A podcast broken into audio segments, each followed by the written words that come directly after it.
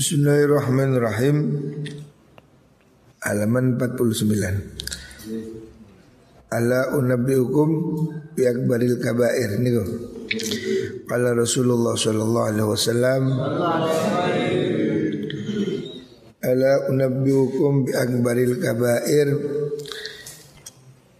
Ala ukbirukum ana ta ora ngabari ingsun ora merwaken ingsun kum ing sira bi akbaril kabairi kelawan luwe gedine pira-pira dosa gedhe ada dosa yang sangat besar ya. Akbaril kabair Kamu saya kasih tahu kata Rasulullah Wasallam dosa yang paling gede, gede-gede ini dosa. Dosa ini semuanya jelek, tapi ada yang sangat jelek. Dosa yang paling besar. Apa itu? Yang pertama adalah al-isyraku billah. Dosa besar itu menyekutukan Allah. Ini dosa paling besar. Siapa menyekutukan Allah ya, Itu tidak diampuni dosanya ya.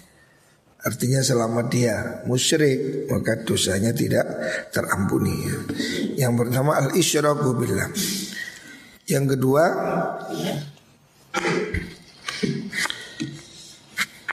Wa uququl walidain. Dosa besar itu yang kedua adalah Menyakiti orang tua ya. Mendurhaka ngelarani wa uququl walidaini lan ngelarani wong tua ya.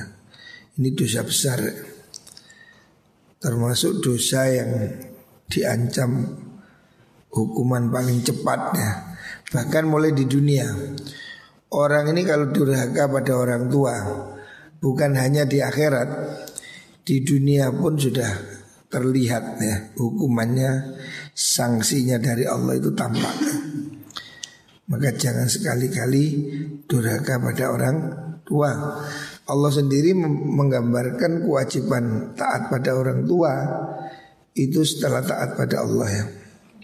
Allah ta'budu illallah wa bil walidaini ihsana. Jadi orang tua ini derajat kewajiban dihormati itu setelahnya Gusti Allah ya. Terus wa zur yang ketiga dosa besar itu ucapan dusta ya. Apalagi sumpah dusta, ucapan bohong ya. Qaulu zur. Biasanya zur ini digunakan untuk sumpah ya. Sumpah palsu gitu. Jadi orang bohong atas nama Allah itu dosa besar. Rawal Bukhari wa Muslim an Abi Bakrah. Iyakum selanjutnya. Iyakum wal ghibah. Iyakum mutiosiro Hendaknya kamu takut jauhi. Wal ghibata ing rasani Jangan bergunjing. Bergunjing ini sesuatu yang dianggap biasa. Tetapi sesungguhnya dosa. Bahkan TV-TV ini sekarang kan jadi tempat gunjingan ya. Gunjing gosip. Nah, apalagi itu. Kan malah jadi acara itu. Gosip-gosip ini kan malah laku. Ada apa itu? Yang acara di TV apa? Silet, nah, silet, silet, nah, silet. Menggunjing orang lain itu dosa ya. Tidak boleh investigasi kesalahan orang. Tidak ada urusannya kita sama kesalahan orang lain. Fa'inal ghibata sudene ngerasani Iku asyad dulu banget minaz zina timbang zina Dosanya menggunjing ini lebih berat dari berzina Dosanya menggunjing ini besar Zina itu dosa besar Tapi menggunjing ini bahkan lebih berat daripada zina Innar rajula sudini wong lanang Iku qad yazni terkadang zina sapa rajul wa yatubu lan taubat sapa rajul. Orang berzina ini mungkin dia taubat ya. Kapok berzina sudah leren. Fayatubu mongko taubat nirimo taubat sinten Allah alihi ing atase zani. Orang yang melakukan dosa berzina mungkin setelah itu taubat selesai diampuni oleh Allah. Tapi fa inna sahibal ghibati sudri wong kang duweni ngrasani tapi orang yang suka menggunjing ya, riba Iku layak firu orang ngapura Allah Ta'ala Lahu maring sahibul riba Hatta yak firu sehingga ngapura lahu maring Niku wong sahibul riba.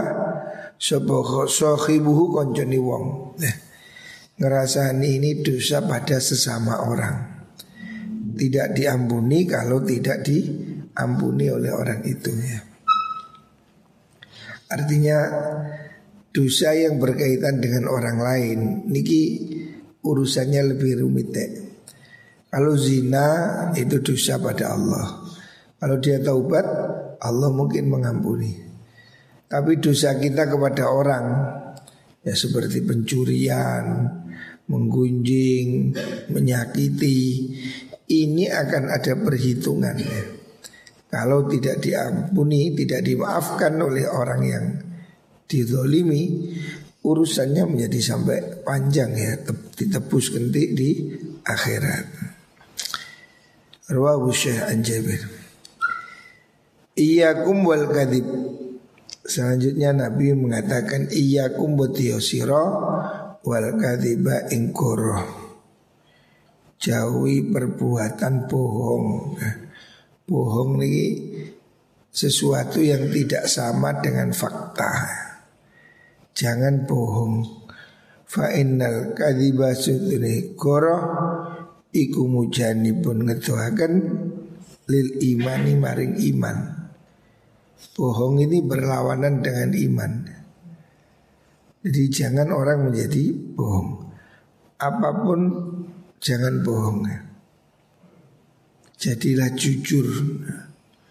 Karena orang bohong ini mungkin bisa untung tapi tidak dalam jangka panjang. Jujur mungkin tidak memberimu teman yang banyak tapi memberimu teman yang baik. Ya, kalau kamu jujur, temanmu ya orang-orang jujur. Kalau kamu bohong, ya temanmu pembohong-pembohong ya. Ruahu Ahmad. Iyaku mudhiyo siro Ngedono Wazina ing perzinaan Jauhi perbuatan zina ya. Zina nih yo Balon nih Fa inna fihi iku dalam zina arba solin ono papat piro-piro perkoro. Zina ini mengandung empat efek negatif ya. Berzina itu. Yang pertama Yudhibu ngilangaken sopa Allah apa zina albaa ing kewibawaan anil wajhi saking wajah. Orang ini kalau zina wibawanya berkurang. Ya wajahnya ini tidak tampak apa cahayanya. Auranya jurusan ini aura. Cahaya di wajahnya itu hilang.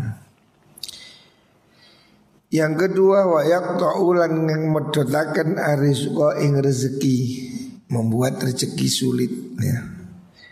Orang-orang berzina ini rezekinya menjadi seret ya.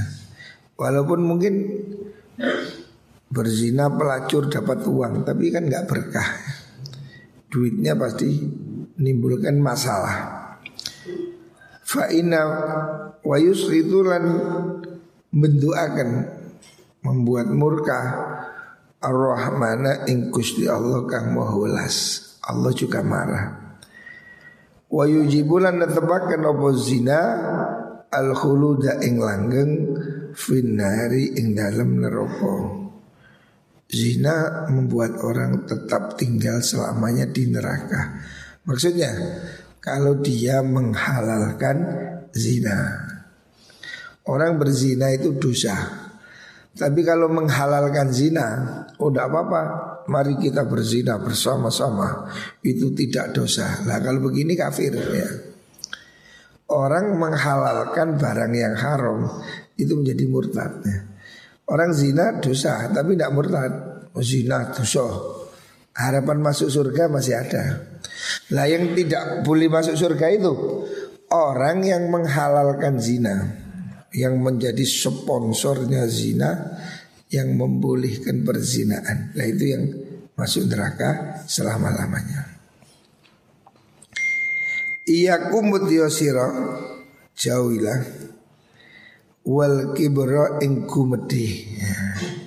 Ini sifat yang harus kamu jauhi Sifat kumedi Sombong Fa inna iblisa suduni iblis iku hamalang gelemaken hu ing iblis opo al kibru kumede ala Allah yasjuda maring yen ora sujud sapa iblis di Adam paring Nabi Adam. Iblis ini pada dasarnya asalnya itu hamba Allah yang taat. Iblis ini sebelumnya itu di surga bersama malaikat. Eh. Jadi iblis ini bukan makhluk sembarangan ya. Asalnya iblis ini hamba Allah yang taat, tapi ada kesombongan. Makanya orang walaupun berbuat taat, jangan ada sombong. Orang ini kalau ada sombong, itu sulit dapat hidayah. Iblis ini karena ada sombong, akhirnya dia tidak mau diperintah Allah. Nah, lah dari sombong itulah dia masuk neraka nanti selama lamanya. Wa iyyakum lan wadiyasira al khirsa. Ing lupa. Lupa niku maksudnya niku tamak. Kesukaan yang berlebihan. Sehingga tidak bisa mengendalikan diri. Namanya al khirsu. Keinginan yang menggebu-gebu yang tidak terkendali. Fa inna Adam masuk Nabi Adam iku hamalang makan hu ing Adam opo al khirsu lupo. Makna Jawa ini lupo. Makna sekarang ya rakus. Ala an akala ing atase yen mangan sapa Nabi Adam minas syajarati saking wit buah khuldi niku. Nabi Adam juga melanggar apa? Dia ingin tinggal di surga selama-lamanya. Padahal di sana itu kan ada buah khuldi. Khuldi itu artinya keabadian. Iblis menggoda. Adam makan saja itu. Allah melarang kamu wala taqraba hadhis syajarata. Jangan kamu dekat. Itu kamu diakali maksudnya begini, maksudnya begitu. Iblis memberikan rayuan-rayuan gombal sehingga Nabi Adam tertarik untuk melanggar. Wong sudah tahu wala taqraba syajarah. Jangan deket-deket aja jangan. Tapi karena ada rasa keinginan, wah nanti kalau saya makan malah saya bisa lama di surga. Karena khulud itu artinya kan abadi. Loh, keinginan keragusan untuk abadi di surga malah membuat dia durhaka. Nah, sama-sama melakukan dosa ya. Nabi Adam bersalah. Apa sebabnya? Melanggar larangan makan buah khuldi. Iblis bersalah. Apa masalahnya? Tidak mau sujud pada Nabi Adam. Dua jenis kesalahan tapi hukumannya beda. Iblis salah satu kali nggak sujud, tapi hukumannya berat, tidak diampuni dan dijamin masuk surga selama lamanya. Nabi Adam berbuat salah, makan buah khuldi, melanggar aturan, tapi diampuni oleh Allah. Karena apa? Karena kesalahan Nabi Adam ini karena nafsu, keinginan. Ya. Manusia ini punya keinginan ya, wajar. Tapi kalau iblis kesalahannya ini sombong. Sombong ini berat ya. Karena keagungan itu hanya milik Allah Subhanahu wa taala ya. Iblis ini dihukum berat ya. Tidak diampuni selamanya Karena apa? Sombong Jadi penyakit sombong ini bahaya sekali Sombong ini apa sih?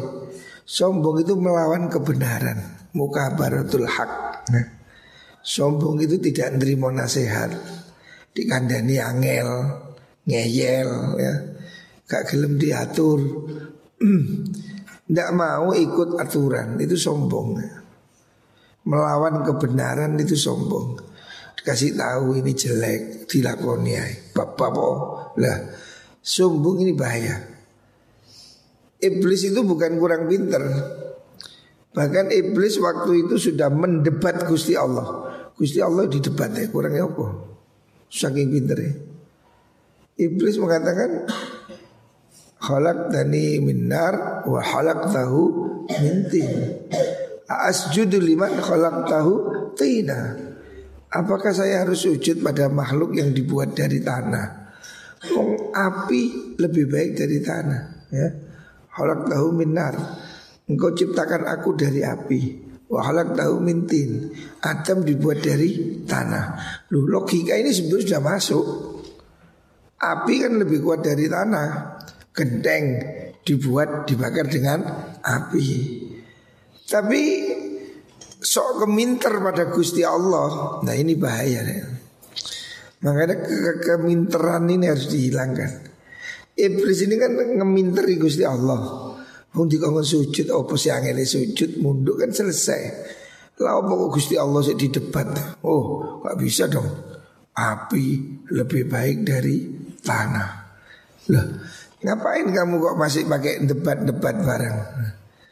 Gusti Allah itu yang kuoso Gusti Allah itu yang menciptakan kamu. Kenapa kamu kok masih ngeyel singkatin debat? Nah ini bahayanya di sini Sombong rumongso pinter rumongso bener. Ini yang membuat dia tidak diampuni selama lamanya Makanya soal akhlak di pondok ini penting ya. Orang tukang sihirnya Fir'aun Walaupun seumur hidup dalam kedurhakaan. Punya adab sedikit aja. Apa adabnya itu? Waktu atraksi Fir'aun menyuruh atraksi adu kesaktian. Tukang sihirnya Fir'aun ini sih punya sungkan sedikit ya. Inna imma antulqiya wa imma antakuna awwalaman Nabi Musa siapa yang atraksi dulu sampean atau saya. Ini cuma bahasa basi lah. Cuma ngasih kesempatan, ayo siapa yang atraksi saya dulu apa sampean. Nah, hanya soal akhlak yang sedikit aja lah. Punya rasa penghormatan kecil, kecil sekali. Cuma bilang Nabi Musa, siapa dulu saya atau anda? Nah. Nabi Musa ya kamu saja. Oh, maka ketika dia melemparkan tampar beratraksi menjadi ular ribuan ular. Nabi Musa melemparkan tongkat belum langsung jadi naga dipangan kabeh plak habis. Hanya dalam satu detik melihat mukjizatnya Nabi Musa mereka beriman. Karena apa? Ada akhlak. Dan di sini loh pentingnya akhlak gitu. Orang ini di utek-utek hatinya oleh setan untuk bangkang. Moh, pokok ini moh. Nah iku, iku watik setan niku. Awak mulai sih duwe hati kayak juru pondok, juru di mana pun, ngomong ngaji, moh, sakarepku. Lah ini bahaya ini. Bahaya ini. Kalau kamu sudah punya perasaan membangkang begitu, nah itu sama dengan iblis itu. Disuruh sujud tidak mau. Mau sujud itu apa ngene.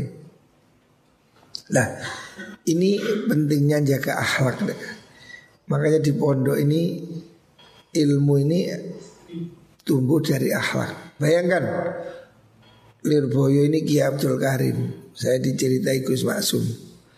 Pendiri pondok Lirboyo Ki Abdul Karim zaman dulu Pondok ini kan sedih susah. Ekonomi zaman itu susah. Ki Abdul Karim ini kerja cari makan. Karena zaman dulu mondok ini kan tidak dikirim orang mondok zaman dulu itu ya sambil kerja Ya Abdul Karim ini kerja nyabrang laut dari Madura ke Banyuwangi, nyabrang lautan. Di sana bekerja jadi kuli, kuli orang panen itu, bawon. Kulinya orang kerja manen padi.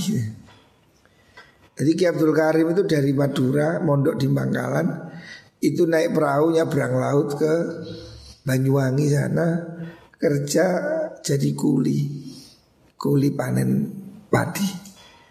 Begitu dapat terkumpul dibawa pulang mau buat sangu mondok. Eh begitu sampai di Madura katanya Gus Maksum dicegat oleh Kiai Khalil, Kiai Khalil ini wali. Dia mikul hasil kerjanya padi tek. Ternyata sama Kiai Khalil dari sampai sudah dibilang, eh, eh kamu bawa padi ya? Itu masukkan kandang buat makan ayam, makan ayam, makan kan ayam. Nyambut Kiai tuh tuh lu kon makan OPT. Coba ada lagi, kok nyimut, nyimut. Karena logika yang dipakai. Tapi Mbak Khalil akhlak ya diberikan ayam. Jadi Mbak Khalil itu rela hasil kerjanya cuma dimakankan ayam. Mbak Khalil disuruh makan mengkudu. Kamu makan itu aja mengkudu. Mengkudu padahal tahu mengkudu. Rekudu. Baunya gak enak kudu. Buah yang tidak enak itu ya mengkudu itu. Disuruh makan mengkudu, itu kamu makan mengkudu. Padinya kasih ayam. Sudah, jadi kasih ayam. Loh, akhlaknya yang luar biasa itu. Itu yang membuat dia diberi keramat hari ini pondok Lirboyo sedemikian rupa. Jadi akhlak ini penting. Ya. Coba pakai logika. Lah kowe enak men. Oh, wari dikene pitik. Pitik ae dibeleh ke lawuh, ngono. Nah, pakai logika. Kok enak padi dikasih no ayam. Ayamnya aja dibeli buat ingkung. Tapi orang akhlaknya di atas logika. Ini penting, rek. Menurunkan emosi egois kita untuk dibawa dibawa akhlak ini penting. Sebab selama kamu masih punya egoisme, punya kesombongan, sulit ilmu masuk. Diceritakan dalam kitab hikam itu dalam syarahnya ada orang sudah ngaji pada Abu Yazid Al-Bistami 35 tahun. Sudah sudah ustadz lah. Sudah mondok 30 tahun. Ya sudah pakai jubah, sudah pakai sorban. Tapi dia merasa hatinya ini kosong. Hatinya ini tidak merasa kelezatan ibadah. Walaupun dia sudah mondok puluhan tahun tapi hatinya tidak merasakan kenikmatan ibadah. Dia merasa hidupnya ini hampa karena ya dia hanya belajar ilmu logika, logika, logika, bukan ilmu hati. Sehingga suatu saat dia datang pada Abu Yazid tanya, Yai, saya ini sudah mondok 30 tahun, ngaji kitab ini, kitab itu, pinter. Tapi kok hati saya terasa kering. Saya tidak bisa merasakan lezatnya ibadah. Nyambut kaya sembayang panggara sarasa Jamaah males, tahajud males. Ini kan tidak merasakan lezatnya ibadah Sehingga berbuat baik masih harus dipaksa. Kalau orang itu merasa lezat beribadah Seperti Imam Junaid al-Baghdadi satu hari sholat 400 rakaat. Bayangkan capek apa enggak ya? 400 rakaat. Logikanya capek Tapi dia enggak capek. Karena apa? Dia melakukan dengan senang. Orang ini kalau senang kan enggak capek ya. Nah ini ada orang Mondok sudah 30 tahun Dia merasa hatinya masih kering. Tidak merasakan lazatnya ibadah. Tahajud sih gak kerasa popo ibadah-ibadah gak ngefek ke tubuhnya. Ya. Akhirnya dia bilang pada gurunya Abi Yazid al-Bastami Saya ini hati saya merasa kering. Padahal saya ini mondok us 30 tahun Us jubahan, us kepala pondok Apa kata Abu Yazid? Seandainya kamu mondok lagi di sini 300 tahun Hasilnya seperti itu Tidak ada Nul Percuma Ya Kenapa? Karena di hatimu masih ada rasa sombong. Ya, di hatimu masih ada rasa mangkel, rasa sombong, rumongso pinter. Itu yang membuat hidayah tidak masuk di hatimu. Obatnya gimana? Tapi Yazid, obatnya begini ya. Kamu sekarang lepas kopiamu itu, lepas cobamu, ganti pakai celana pendek, celana celana cak dengkul, Terus kamu mikul mainan, kamu joget di pasar. Loh, lah gendeng. Iya kan kudu tadi wong gendeng. Ada kamu sudah harus merasa dirimu itu bukan siapa-siapa. Kamu supaya di antemi arek cili ya, di kamu supaya tidak ada sombongmu harus dihilangkan. Selama dirimu masih ada sombong, saya pinter, saya senior, hidayah tidak masuk. Makanya dia disuruh menjadi orang gila sama Abu Yazid. Lepaskan surbanmu, lepaskan cobamu Kamu pakai baju combang jamping Sana joget di pasar. Kalau semua orang menganggap kamu gila Oh gendeng Dan kamu ikhlas Dianggap gendeng is ikhlas Ya itu berarti hatimu sudah hilang Sombongmu sudah hilang. Itu, Orang tidak dapat hidayah karena ada sombongnya. Ya seperti iblis. Iblis ini tidak diampuni karena ada sombongnya. Makanya di pondok ini dilatih dihilangkan sombongnya. Kenapa anak mondok ini kalau nakal digundul? Oh Sejak dulu ini Hukuman sejak dulu di semua pondok Anak nakal digundul Kenapa? Supaya hilang sombongnya Sebab uang itu orang rambutnya kan rumah so ganteng Walaupun elek tapi rumah sana kayak rambutnya dicidul-cidul kayak apa dia itu merasa ganteng. Makanya digundul supaya apa? Supaya gengsinya hilang. Gundul kan kayak orang penjara, gundul, orang gundul kan narapidana yang gundul. Makanya di pondok itu dihukum gundul sejak dulu di semua pondok mau di Lirboyo mau di sini digundul. Artinya dihilangkan sombongnya. Rambutnya kan seperti mahkota kan. Orang itu kalau rambutnya bagus itu kan rumongso ganteng. Petidak petidik orang ganteng. Wah kaya Walaupun aja nih elek tapi gaya itu keripu. Kalau narik asing gaya kan rambutnya di gaya. Sing rambutnya di semir, sing rambutnya di pang, sing rambutnya di keluncir buri, sing dibuntut. Orang itu merasa rambutnya itu kan membuat dia jadi ganteng. Walaupun gak ganteng, Terus narik pangke embong-embong itu loh Rambutnya kan aneh-aneh Ono sing di keriting Ono sing di Apa itu di kepang Ono sing di Keruwel indomie ngono Ono sing Ono sing rambutnya Jagung ya.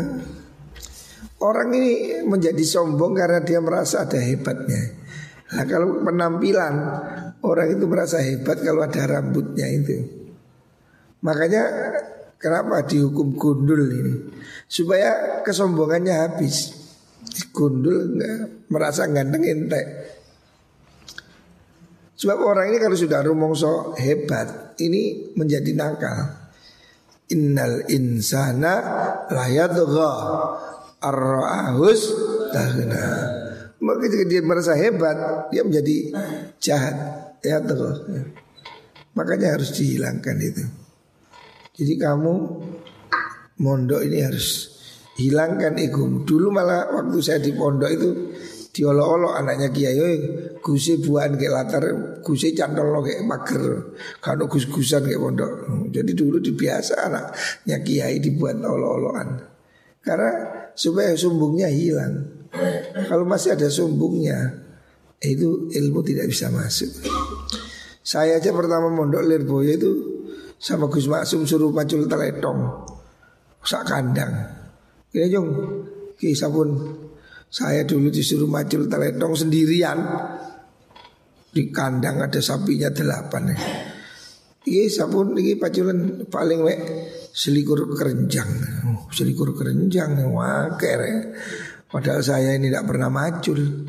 Tapi ya itu memang cara dia untuk menghilangkan kesombongan supaya kita itu rumongso tidak siapa-siapa. Ini penting ya. Orang ini menjadi egois kalau dia masih rumongso sombong. Lah, sombongnya ini harus dihilangkan. Makanya Sulit orang mendapat hidayah kalau masih ada sombong. Kalau menurut kitab taklim Malaikat tidak akan masuk rumah yang di dalamnya ada anjing. Lah anjing secara maknawi itu sifat sombong itu. Selama kamu masih ada sombong di hatimu, berarti masih ada anjing di rumahmu. Nah kalau ada anjing, malaikat tidak mau masuk. Nah ini yang harus dihilangkan. Jangan sombong ya. Pinter apa pun tidak ada ya. Akhlak lebih penting ya. Wa inna iyyakum wal hasada. Wa iyyakum lan sira wal hasada ing hasud. Selanjutnya penyakit yang harus kamu jauhi itu dengki hasud. Fa inna ibnai Adam sutini anak luru Nabi Adam Iku inama kota langit mesti ni mateni Sopo ahadu masalah suci ibnai Adam Sohibau ingkon joni ahad Hasad dan krono hasud Fahuwa mongko utawi has Fahuna Fahuna utawi telu niku wau. Napa? Tiga hal itu apa? Sombong, rakus, hasud. Nah, itu tiga trio penyakit berat.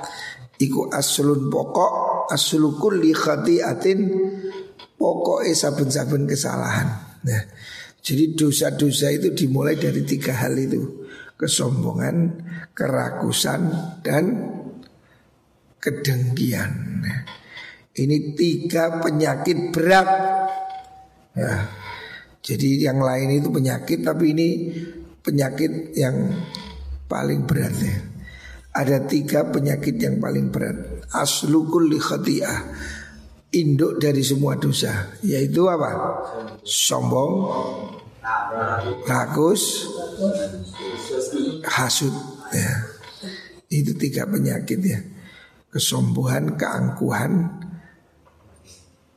apalagi rakus ya sikap tamak, ketamaan dan kedengkian ya. Dengki ini kenapa sih? Dengki itu gak seneng dulu wong enak itu dengki. Ini kan kasusnya Kobil dan Habil ya. Kobil Habil anaknya Nabi Adam saling bunuh ya. Kakak adik iri karena zaman dahulu kawinnya itu silang. Nabi Adam kalau punya anak dua laki perempuan laki perempuan. Lah yang laki atas silang sama adik ini lah silang kawin silang zaman dulu kan belum ada orang silang. Nah ini silang ini tempat keliru. Kobil habil situ situ bujune ayu situ bujune elek. Kak terima sing bujune elek. Ah, bujuku kok elek, kok enak ayu. Akhirnya apa? Dibunuh ya. Dan pembunuhan pertama ini gara-gara wetoan ya. Bahaya wetoan ya. Empal brewok ya bahaya ya. Pembunuhan pertama kali di dunia ya kasusnya rebutan cewek ini, rebutan perempuan. Kobil dan Habil itu. Itu gara-gara iri kok bujuku elek. Bujune adikku kok ayu akhirnya dengki, akhirnya melakukan pembunuhan. Ya. Makanya jauhi tiga hal ini. Muka-muka diselamatkan Allah Subhanahu wa taala.